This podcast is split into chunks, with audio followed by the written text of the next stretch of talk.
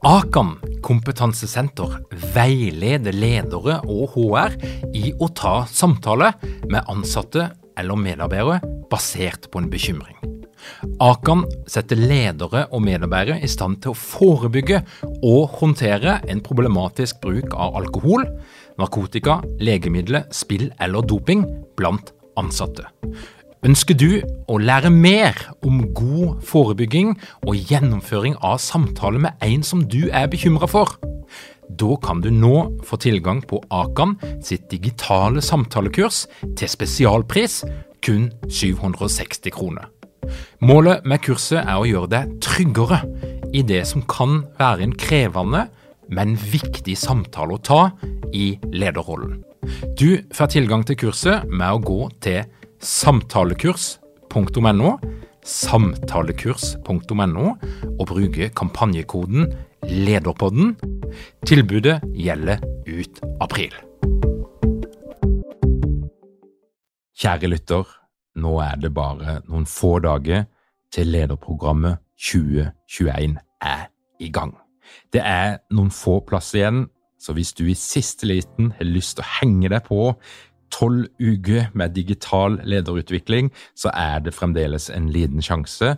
Og du gjenger bare til lederprogrammet.no, så kan det være at det er noen ledige billetter igjen. Vi ses!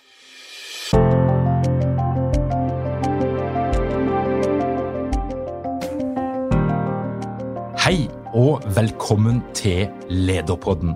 Mitt navn er Tor Håge Eikerapen. Jeg jobber som organisasjonspsykolog og foredragsholder, og dette her er en podkast om ledelse. Velkommen til Lederpodden, Agnete Ellingsen. Tusen hjertelig takk. Veldig hyggelig å få lov å være her, ja. Ja, det er jo på tide at du kom inn her, for det er jo sånn at eh, jeg har jo noen flinke folk som driver og tipser meg om hvem bør jeg ha som gjester i Lederpodden, og du er faktisk et av de hotteste tipsene på at hun må du få inn i en episode. Og Derfor er jeg veldig takknemlig for at du valgte å, å si ja. Og, og, du sa i stad at du er ingen morgenfugl, men eh, det, du ser frisk og rask ut. og det, det, det, må ha gått bra. Så hyggelig. Jo da. Jeg har fått kaffen min, jeg, så jeg er fornøyd. jeg, jeg, jeg, inviterer jo veldig ofte folk som har en eller annen lidenskap inn i lederpodden. Det er litt av konseptet. Noen som brenner for noe faglig. Og, og, det gjør du. Kan ikke du fortelle meg litt, hvordan var det du fant din faglige lidenskap, som, som uh, gir seg et uttrykk i det du holder på med til daglig, og du har skrevet to bøker som vi skal snakke litt om, men, men hvordan var det du fant fram til den her pasjonen din? Ah, godt spørsmål. Du, det er, det er prøving og feiling, vil jeg si. Eh, jeg har testa eh, mye, eksperimentert med mye opp igjennom. Eh, og det starta vel Altså, jeg var jo leder innenfor IT, leda en IT-sikkerhetsavdeling, og så jeg kjente jo jo det var hyggelig, det. Det var gøy å lede folk. Men akkurat den teknologien den fikk ikke hjertet mitt til å banke, for å si det sånn. så jeg, jeg, tok jo en etterutdanning, en lederutdanning, på Handelshøyskolen i Bergen. Og begynte å fordype meg litt i endringsledelse og coachende lederskap. Og så tenkte jeg nei, men kanskje jeg skal se hva det er for noe. Så ble jeg coach. Og så begynte jeg å jobbe med lederutvikling og mer med mennesker. Og, det, det var vel da jeg liksom tenkte at ja, men dette her her er vi inne på noe. Eh, så jeg hadde jo, når jeg var ung, så vurderte jeg å studere psykologi. Jeg gikk på Dragvoll i Trondheim eh, og tenkte at det kanskje var veien, eller statsvitenskap. Men, eh, men så var jeg litt trygghetssøkende på den tida, så jeg tenkte at nei, men IT, vet du. Vi prøver det. det er nok kommet for å bli. Så, så det var der det, reisen starta, kan du si. Og så var det liksom å teste ut. Og det er jo litt det jeg skriver om i min siste bok at eh, karrierer, det handler om å eksperimentere. Sant? Det handler om å finne ut av eh, hva du liker og hva du er god på, for det vet vi ikke i starten. Vi er nødt til å teste oss sjøl ut i den store verden. Eh, og det er da vi eh, på en måte ser hva vi eh, kan bli, for vi har mange identiteter i oss. Så Langt svar. Og karriere Ja, vel, og et godt svar. Karrieredesign det er det, den siste boka di som kom i 2020, og så er det 100-dagerskoden som kom i 2016. Og eh, dette her er jo et felt som kanskje er spesielt interessant i disse dager. For jeg treffer iallfall eh, en god del mennesker som nå føler at eh, koronasituasjonen, eh, alt det som har skjedd det siste året, gjør at det blir enda litt vanskeligere å, å, å, å få den utviklinga som de ønsker, og at hele verden er litt uh, uviss og usikker, og at det da blir lettere kanskje for noen å, å holde fast uh, i, i, i, det en har, selv om en kanskje ikke er helt fornøyd.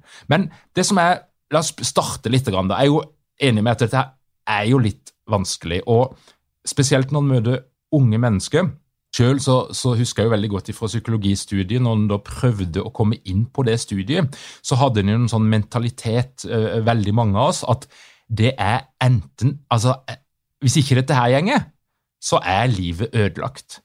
Hvis ikke jeg får den karrieren som jeg ser for meg, og den utdannelsen som jeg har sett for meg, men da er det ingenting som er verdt noe. Altså en veldig sånn sort-hvitt-tankegang, mm. og egentlig det motsatte av det du snakker om, mm. nemlig å eksperimentere, mm. teste ut, prøve ut. Men, men, eh, og de menneskene som du møter, for jeg vet du jobber jo med lederutvikling, du jobber med gruppe, og du jobber med individet, der du støtter de, og du er en sparringpartner for folk som ønsker å ta noen grep i karrieren sin.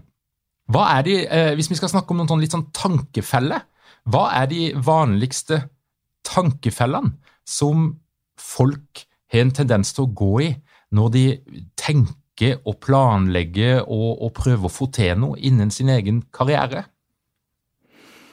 Ja, øh, kanskje Mange er nok øh, Ja, de har tanker om at de er kanskje litt innelåst der de er.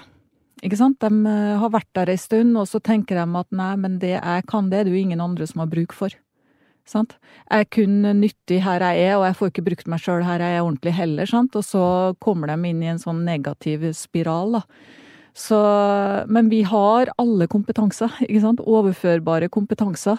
Så, så, det handler jo mye om å hjelpe dem å se det. ikke sant? Og kanskje de kompetansene du har, eh, blir mer verdsatt et annet sted enn de blir der du er nå. Sant? Eh, så, så, det er vel kanskje den viktigste tankefellen, vil jeg tro. Og, og det, men eh, det er de menneskene og de lederne jeg har truffet som kanskje har jobba veldig lenge et sted. da. Ja, og det er, sånn, eh, det er jeg jo litt opptatt av, for det, det ser jeg jo spesielt i endringsprosesset. Det jeg ser der, det er jo at de som klarer seg best, altså de som tåler endringene best, det er jo de som har en, en relativt høy bevissthet rundt sin egen kompetanse, verdien av sine egne mm. erfaringer. Men dessverre så ser jeg òg at veldig mange som har vært lenge på et sted, de blir blinde mm. for sin egen kompetanse. altså De tar seg sjøl litt for gitt. Mm. Um, og Fordi de er vant til at det er bare sånn, og det er de tingene jeg pleier å gjøre, og jeg pleier å ta de utfordringene. Mm. Men, men, men, de har altså et ubevisst forhold til hva de kan, hvem de er, og verdien av det de har gjort. Mm. Og det er jo veldig forløsende. Og det er jo litt trist. Ja, det er trist, men det er samtidig veldig givende å, å hjelpe de folka og de lederne, sant? Og, og, åpne opp og la dem få lov til å erfare hva det vil si. Eh, og finne de kompetansene, da. Og, og finne sin verdi, da. Sant?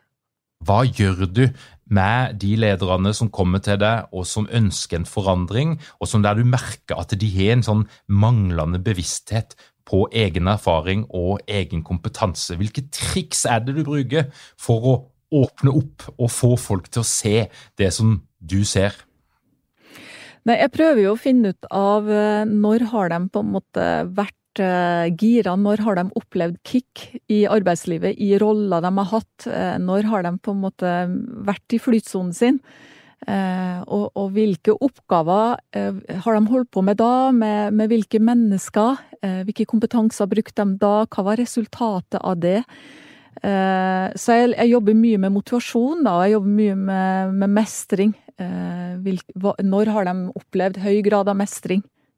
Eh, så, og så hører jeg jo at du, du, hører at du, du er veldig sånn coachende altså du, Det er coach, gode coachingspørsmål du stiller det, hvis jeg skjønner det riktig? Ja, ja absolutt. Det er, det er en uh, tilnærming som jeg er veldig glad i. ikke sant? Den coachende tilnærming. Det å, å se det, at alle mennesker har mye potensial i seg, og hjelpe dem å ta det ut. Uh, og det der positive menneskesynet som følger med uh, coachingtilnærminga, jeg er veldig glad i den. mm. Ja, og det, og det, skriver du jo noe om i, i boka di òg. Altså du, du har på, på, omslaget ditt så skriver du altså at det handler om å ha meningsfulle liv. Ja. Og det er litt sånn spennende. altså Jobb er jo ikke bare jobb. Eh, og, og, det syns jeg er veldig gøy at du, du, trekker det opp litt. For det, det, er jo sånn at vi tilbringer så enormt mye tid på jobben. Ja. Eh, uansett om du sitter på heimekontor eller hva du gjør, så er du på en måte lenka til jobben store deler av døgnet. Mm. Og de her menneskene som vi har kontakt med i jobben vår, er jo ofte òg noen folk som vi treffer mer enn vår egen familie, og vi vet at jobb er nært knytta til identitet og til helse og i det hele tatt. Så det er jo, det er jo viktige spørsmål eh, du jobber med. Mm. Uh, og, og, flere og flere blir jo selvfølgelig opptatt av det å finne mening på, på jobb. Uh, det er jo det store med de unge. De forventer mer at det skal være, gi mening, at det skal være en del av en helhet. Og, og lederes oppgave blir jo å, å, hjelpe de til å se mening, sant? Oppleve mening på jobben. Men samtidig så er det jo det her med mening, det er jo, det er jo ikke så enkelt sånn sett. Sant? Det er jo Noen har jo et kall i livet. Opplever å finne det veldig tidlig. Jeg vet ikke hvordan det var med deg. Om du øh, visste at du skulle bli psykolog når du var barn eller ungdom? Gjorde du det? Eh, jeg, jeg, jeg visste det når jeg gikk på ungdomsskolen. Da, da, bestemte jeg meg for at jeg skal bli psykolog. Um, det var noen som prøvde å skremme meg vekk ifra det med å si at psykologer hadde den høyeste selvmordsraten. Det kommer jeg aldri til å glemme. Det var sånn ca. i 8. eller 9. klasse.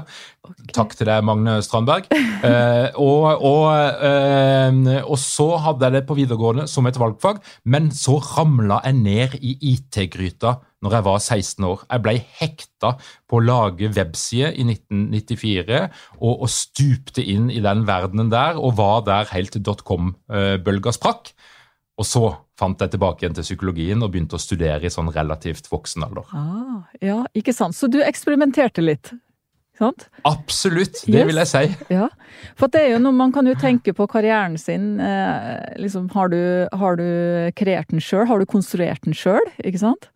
Eh, eller har den blitt til ved tilfeldigheter? Eller flaks? Ikke sant? Eller har du Ja, og det er litt sånn uh, Ja. Og, der, og der, der, må liksom, og, og der er litt sånn, der har jeg lyst til å høre litt hva du tenker. For at eh, for noen så er det jo litt sånn at eh, Nei, det ble bare sånn. Mm. Eh, det var altså et familiemedlem som spurte meg, for de hadde en ledig stilling, og så ringte de meg og så sa jeg ja, ja, men og så ble det bare sånn. Yes. Og så ble jeg bare her. Ja. eh, og, og, hvis er, og, hvis du er, lykkelig med det og fornøyd med det og syns at det er bra, så er det jo helt topp. Men jeg møter jo av og til noen ulykkelige mennesker mm. som, som, bare rett og slett har latt seg begrense av sin egen skjebne. For, for, det er jo to litt ulike måter å tenke på. Mm. Altså, Livet, er det noe som skjer, og der jeg på en måte bare havner der jeg havner? Mm. Eller er det noe som jeg har en sånn aktiv kontroll i og tar litt styring på, og der jeg, der jeg sjøl eh, har en nær kontakt? Mm. Men, men, hva tenker du, Agnete? Hvilken type tenkemåte er det som gir best livskvalitet?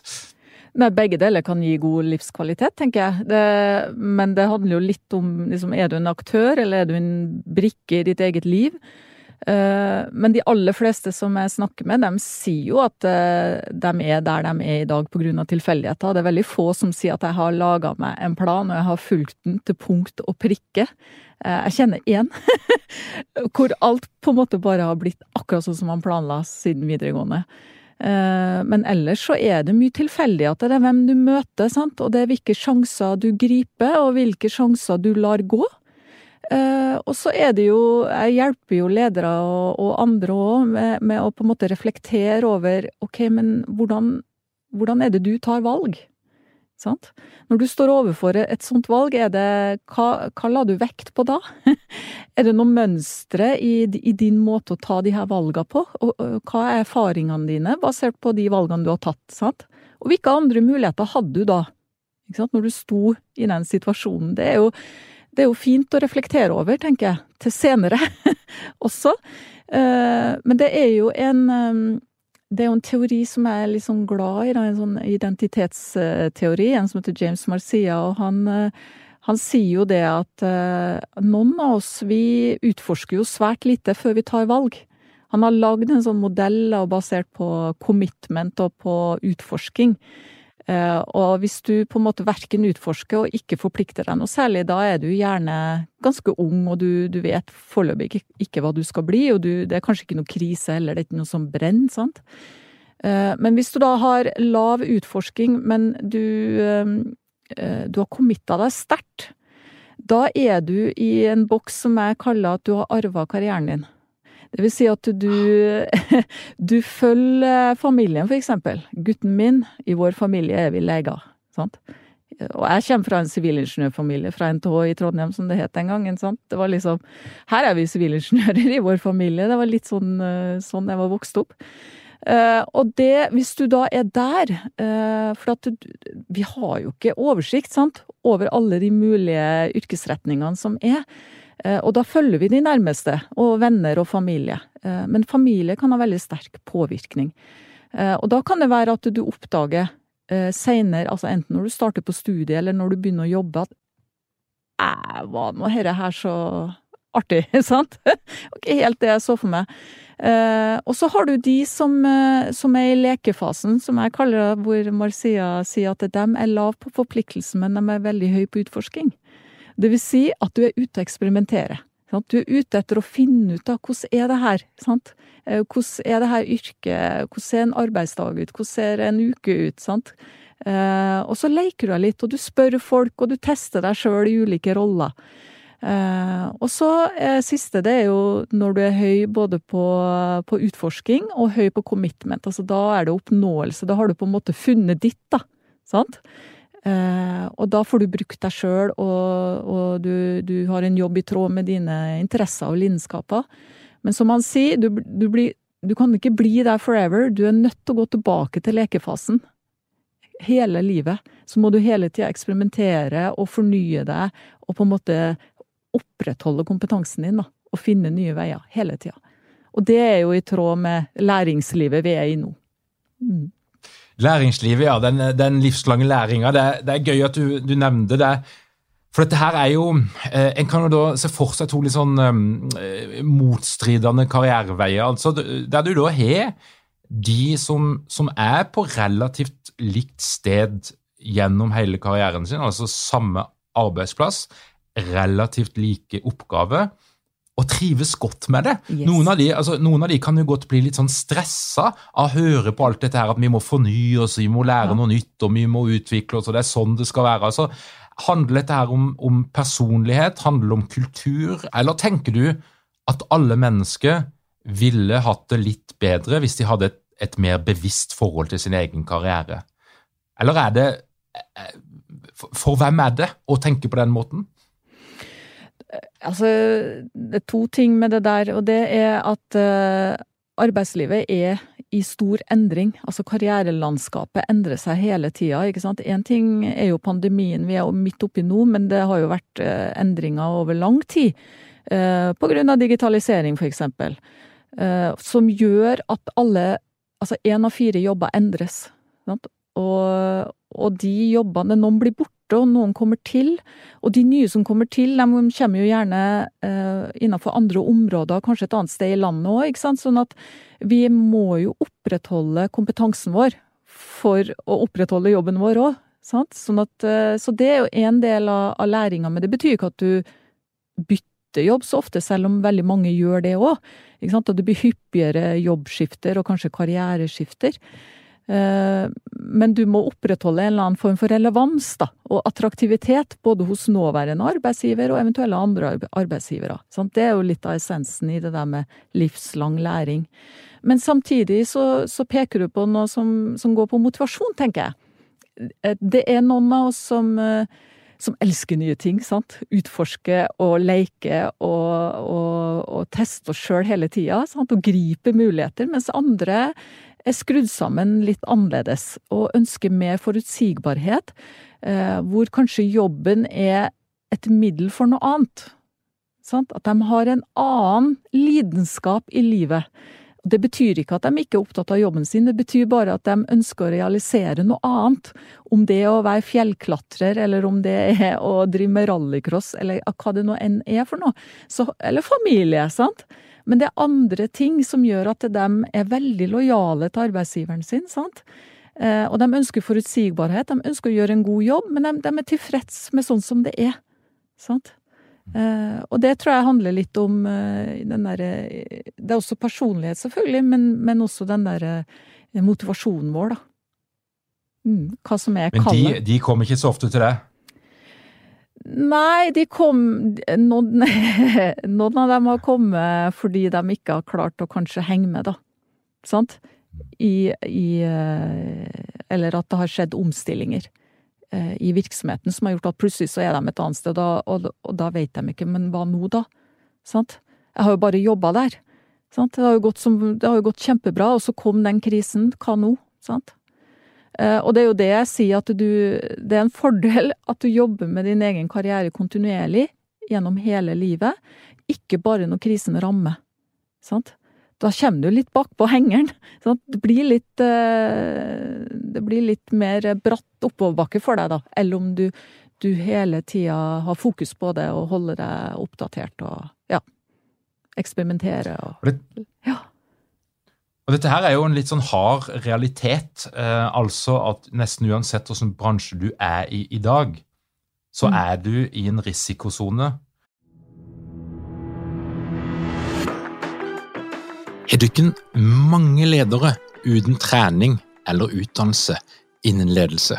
Mangler dere en felles kultur og praksis for ledelse? Ønsker dere å være bedre rustet for fremtidig vekst og endring? Da kan et internt lederutviklingsprogram være en god investering. I Execu så er vi eksperter på å designe og gjennomføre bedriftsinterne lederutviklingsprogram. Hvis du ønsker å lære mer om hvordan vi kan hjelpe dykken til å få enda bedre ledere, ta og klikk deg inn på execu.no.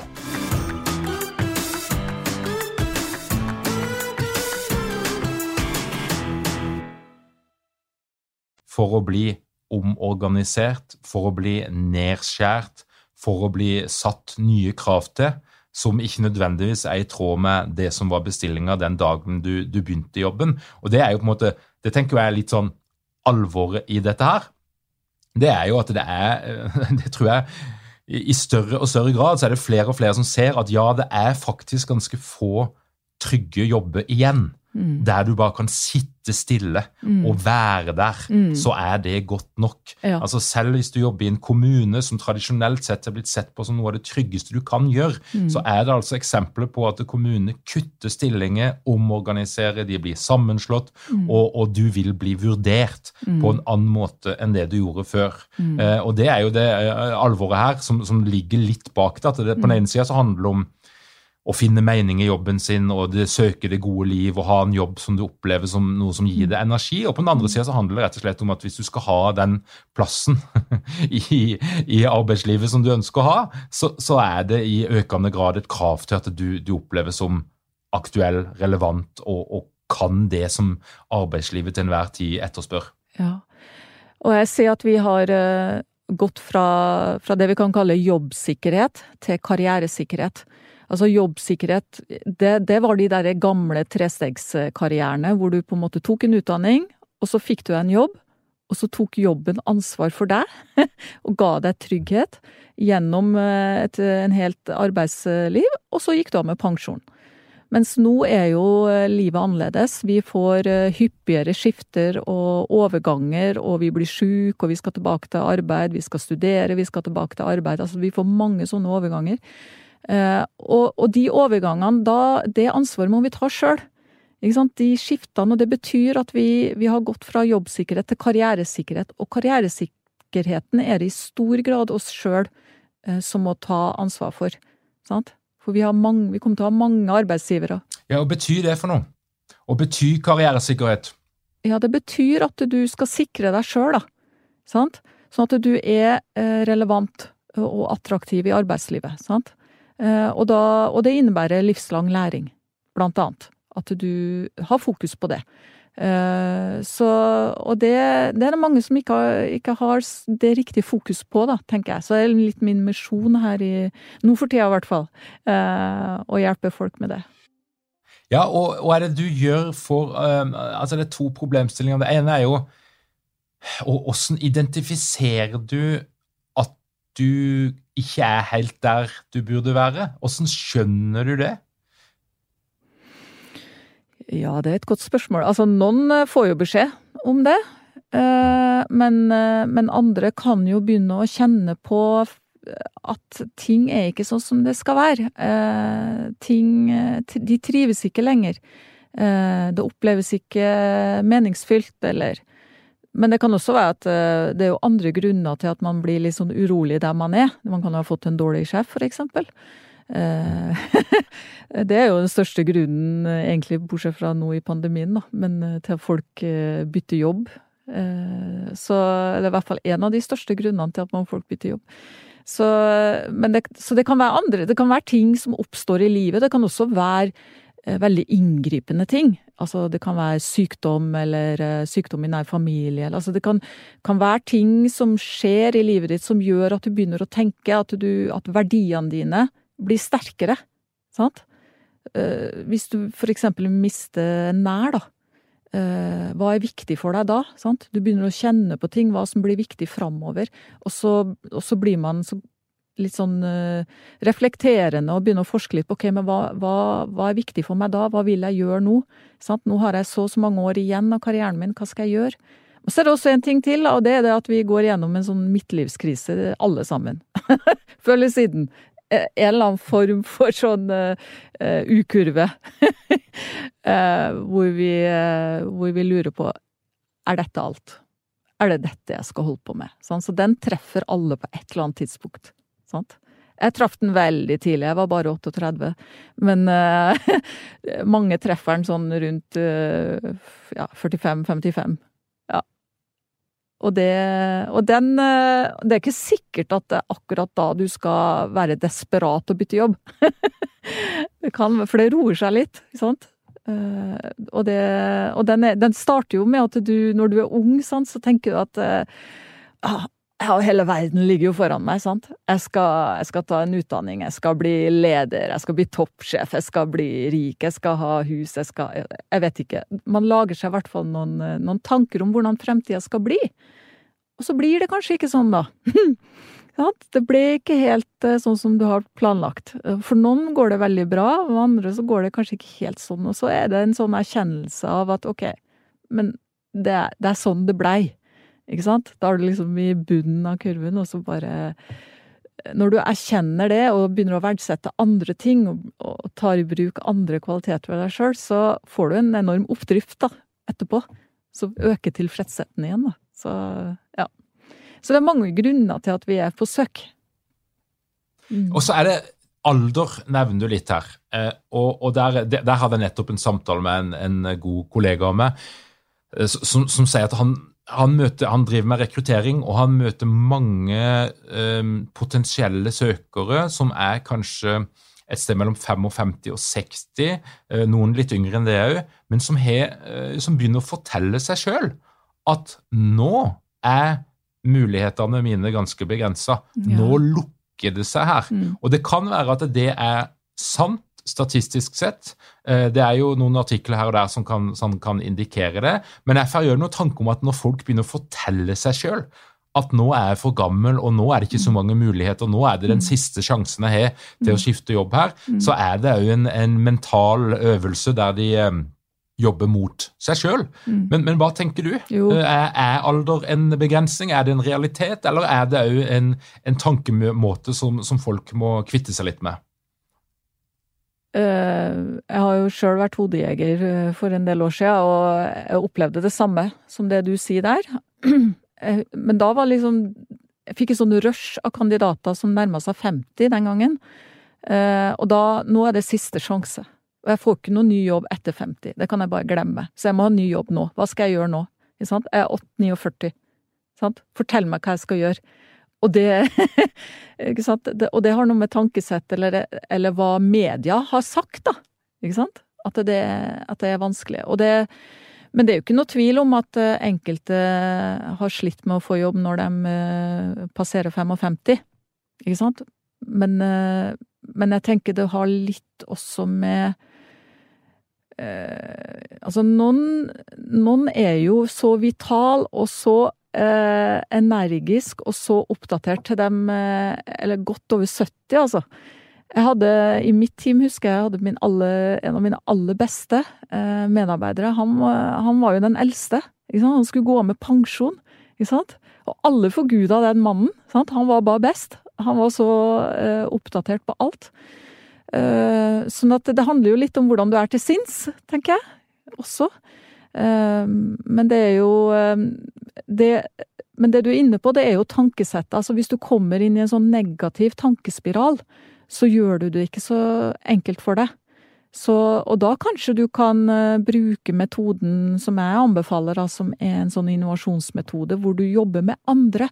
For veldig mange sitter jo og tenker at Og blir veldig aleine, da, om å lede sin egen karriere, og tenker at de skal finne ut alt sjøl. Uh, og så går de kanskje til en rekrutteringsrådgiver, og så hva skal jeg bli, hva kan du bruke meg til? Sant? Uh, og det blir litt gæren fremgangs, fremgangsmåte, tenker jeg. Du kan uh, lage deg et karriereteam som du sparer med, og som du eh, kommer opp med masse ideer med, og som du får hjelp av. for vi er ikke nødt til å gjøre alt alene. Vi kan få bistand. For, for dem kan hjelpe oss å se veier vi ikke ser sjøl. Og der er du jo litt i, på god vei inn i det boka di handler om, og som er tittelen, nemlig karrieredesign. Og det du gjør der, det er jo at du bruker metodikken design thinking, som, som vanligvis brukes i, i, innovasjonsarbeid i alle mulige slags sektorer, som er en sånn trend, eh, kan en vel si, som er brukt mye de siste årene, og som sikkert kommer til å etablere seg enda mer. Og, og, og det, det, er kult, tykker jeg, at du bruker, at du mikser de to.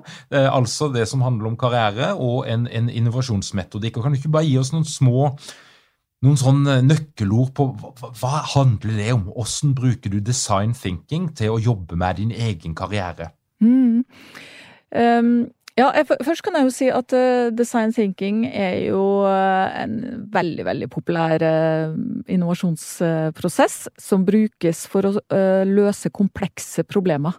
Vanskelige problemer som, som du ikke vet hvordan du skal løse, eller når du ikke vet hvor du skal engang. og den tar utgangspunkt i menneskelige behov. og det skal på en måte gi mening, da de løsningene man kommer opp med. Så det er jo en eh, innovasjonsprosess som er ganske rask, eh, og, og egentlig ganske leken. Eh, hvor du starter med å, å, lete etter brukeres behov. Altså hvorfor bruker noen vårt produkt, eksempel? Hva er det de prøver å løse, hva er det underliggende behovet bak der? Hva er det de prøver å få til? Og så er det å, å se på fungerer det, sant? Hva er utfordringa her, hva er problemet? Og så er det å, å, å begrense problemene og eh, smalne de inn og heller lage små, mindre problemer enn et svært problem. Og pakke masse inn i ett, for da blir det nesten helt umulig å finne en løsning. Hvis du skal finne én løsning som løser alle disse små problemene. Så man deler det opp, og så eh, blir man veldig konkret i defineringa av hva problemet er. Og så snur man det til et spørsmål eh, som man kan idémyldre rundt. Og så bruker man mange ulike metoder for å finne det i, i tverrfaglige team. Eh, og så velger man ut de som på en måte eh, resonnerer best, eller som treffer kriteriene best. Og så lager man og bearbeider eh, de, og lager en prototype som man tester på brukerne. Og det, det kan være bare en, en papp med, med, noen brikker på, eller en tegning, eller det skal være veldig, veldig enkelt og gjøres veldig, veldig raskt. Og så tester du det. Fungerer det her? Ikke sant? Nei, det var ikke helt sånn, det er ikke det vi prøver å få til, det er mer sånn. Og så justerer du, hopper du fram og tilbake da, i denne prosessen, og så til slutt så ender du opp med et produkt, eller en tjeneste, eller en prosess eh, som brukerne er fornøyd med. Sant? Eh, som dekker deres behov, og som, som også er lønnsomt, eh, og som er gjennomførbart. Så det er liksom essensen, veldig kort fortalt, og det krever også et tankesett å jobbe med, at du er eh, nysgjerrig, at du, du, du, liker å skape nye ting, at du er optimistisk, at du tenker at, at du stoler på prosessen, da. At vi kommer i mål her, selv om det blir litt kaotisk eh, til tider, så, så kommer vi i mål. Og det jeg har gjort, da, det er jo å adoptere denne prosessen eh, til oss sjøl. Gjennom å bli At vi kan være våre egne karrieredesignere, som jeg sier. At du, du, du må kjenne deg sjøl, da. Men det holder ikke bare å kjenne deg sjøl. Eh, men jo bedre selvinnsikt du har, sant, eh, jo bedre karriere kan du designe. Sant? Og da må du vite litt hva er din lidenskap, hva er dine motivasjoner, hva er personligheten din, hva er trekkene dine, hva er, hva er, når er du god, sant? hva er kompetansene dine, eh, og hvilke trusler er det der ute i arbeidslivet nå, ikke sant? innenfor din bransje, eller hvilke muligheter er det. Og så må du velge deg da, noe som du tenker dette skal jeg jobbe med, dette skal jeg ta tak i. Eh, og så kaller du sammen eh, karriereteamet ditt, og så Du kan gjøre det sjøl òg, men, eh, men, jo flere, jo bedre.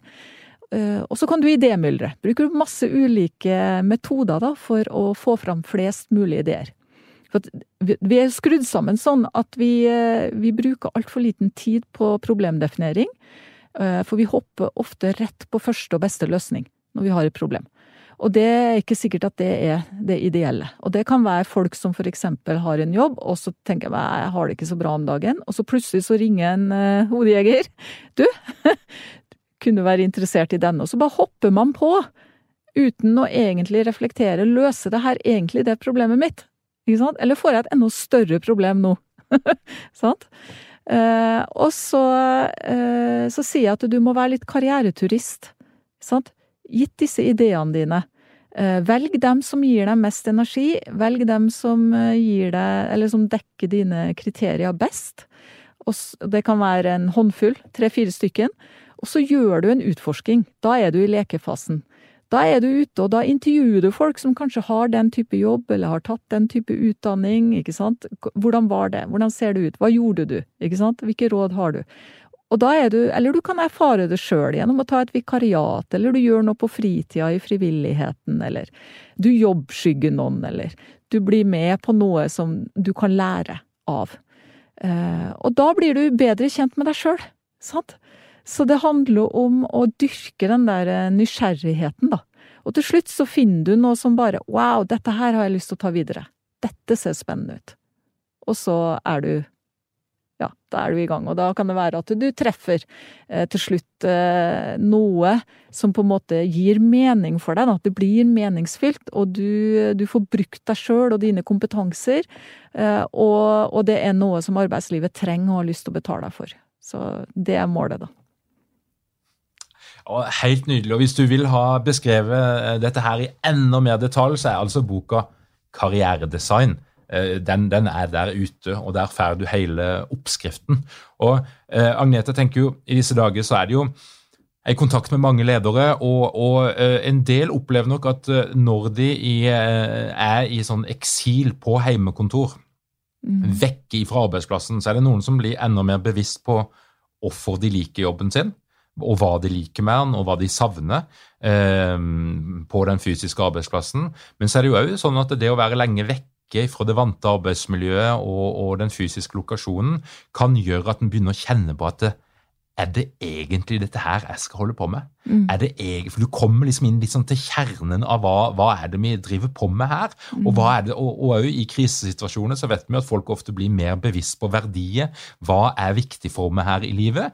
Samtidig som vi har et element av frykt mm. som, som, kan hindre det at du tør å ta nye valg. Men for de lederne da, som, eh, som, sitter ute akkurat nå, og du har jo gitt noen en ganske god oppskrift, og så skal jeg prøve bare å pinpointe det enda mer til den lederen, hun eller han, som sitter der ute nå og kjenner på liksom at det, dette her gir meg ikke egentlig sånn, så, så, veldig mye lenger. Dette her, dette her eh, koster for mye. Dette her, her, her er regnskapet gjenger i minus. Jeg bruker mer energi på denne jobben enn det jeg får tilbake, og det oppleves ikke meningsfullt lenger. Mm.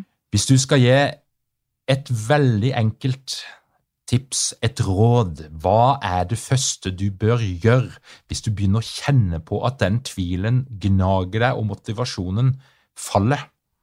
Hmm. Eh, da ville jeg sett på hva er det som gir deg motivasjon?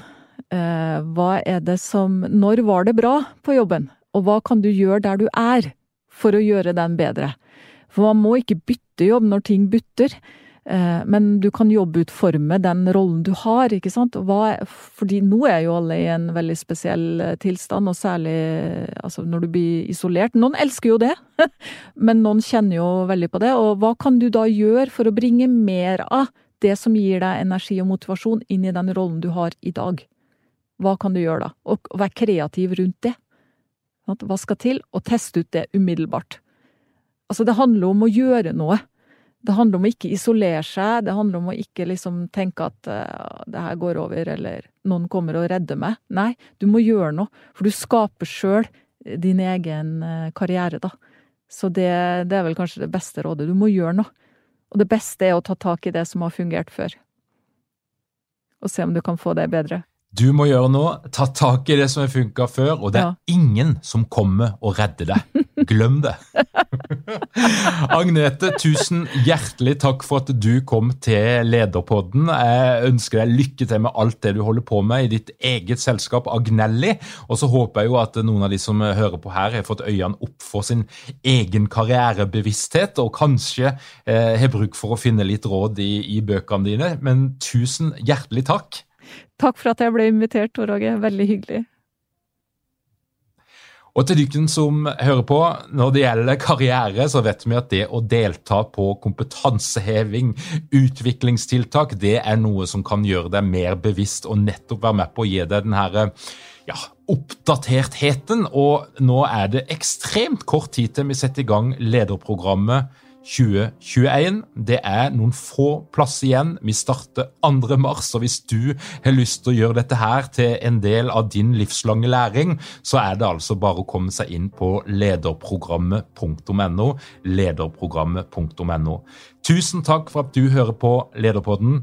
Hvis du ønsker å bli oppdatert på alt det vi finner på, våre livesendinger og pop-up det ene og det andre, så gjenger du inn på lederpodden.no og legger igjen e-postadressen din. Lederpodden.no. Da kan du f.eks. bli invitert inn på sånne livesendinger som det du nå hørte nettopp, for den ble òg streama live fra studio. Og hvis du går inn på lederpodden.no, så kan du bli med på moroa neste gang. Tusen takk for at du hører på Lederpodden, og jeg ønsker deg ei veldig god uke. Ha det bra.